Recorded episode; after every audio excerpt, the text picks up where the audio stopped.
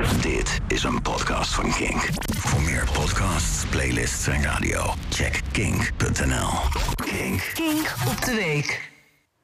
We hebben een nieuw kabinet. En ik bedoel nieuw met aanhalingstekens. Ik zeg het er maar even bij, want dit is radio. En dan zijn aanhalingstekens, net als onze nieuwe minister en staatssecretaris van Cultuur, je ziet ze niet. Als een bedrijf een slechte tijd heeft gehad, is een van de noodoplossingen een rebranding. Je plakt er een nieuwe merknaam op met een mooi nieuw glimmend logo en een gelikte reclamecampagne. En dan maar hopen dat iedereen dom genoeg is om te denken dat het een nieuw bedrijf is dat met een hele schone lei begint. En het erge is, wij zijn zo dom. Wij zijn die coyote in Roadrunner filmpjes die tegen een rots aanrent omdat er een tunnel met een weg op is geschilderd. En in ons geval zijn die rotsen de toeslagenaffaire, de moedwillige opoffering van Groningen, de heiligverklaring van KLM, de weigering om zelfs maar te proberen het klimaat te redden, de falende jeugdzorg, personeelstekort in zorg, onderwijs en politie en de groeiende kloof tussen arm en rijk. En we rennen er al tien jaar tegenop omdat de VVD overal wegen had geschilderd waar je 130 mocht rijden. En natuurlijk, er staan mooie plannen in het regeerakkoord, maar hey, ik had twee weken terug ook allemaal mooie plannen voor dit jaar.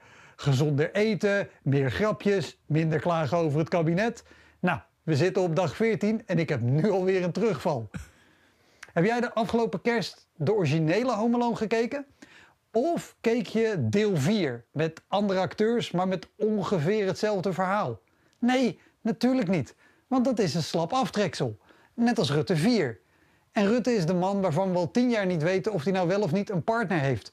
Dus wat had je anders verwacht dan een slap aftreksel? als, als Mark s'avonds op zijn laptop barely legal intikt, dan zoekt hij geen porno, maar een belastingconstructie.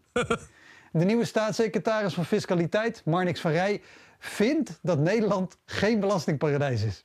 Zo'n beetje elk financieel expert in de wereld vindt van wel, maar gelukkig hebben wij iemand gevonden die vindt dat het niet zo is. Het is toch een beetje alsof je Baudet minister van Volksgezondheid maakt en dat hij dan zegt dat corona niet bestaat. Maar dan in het Duits.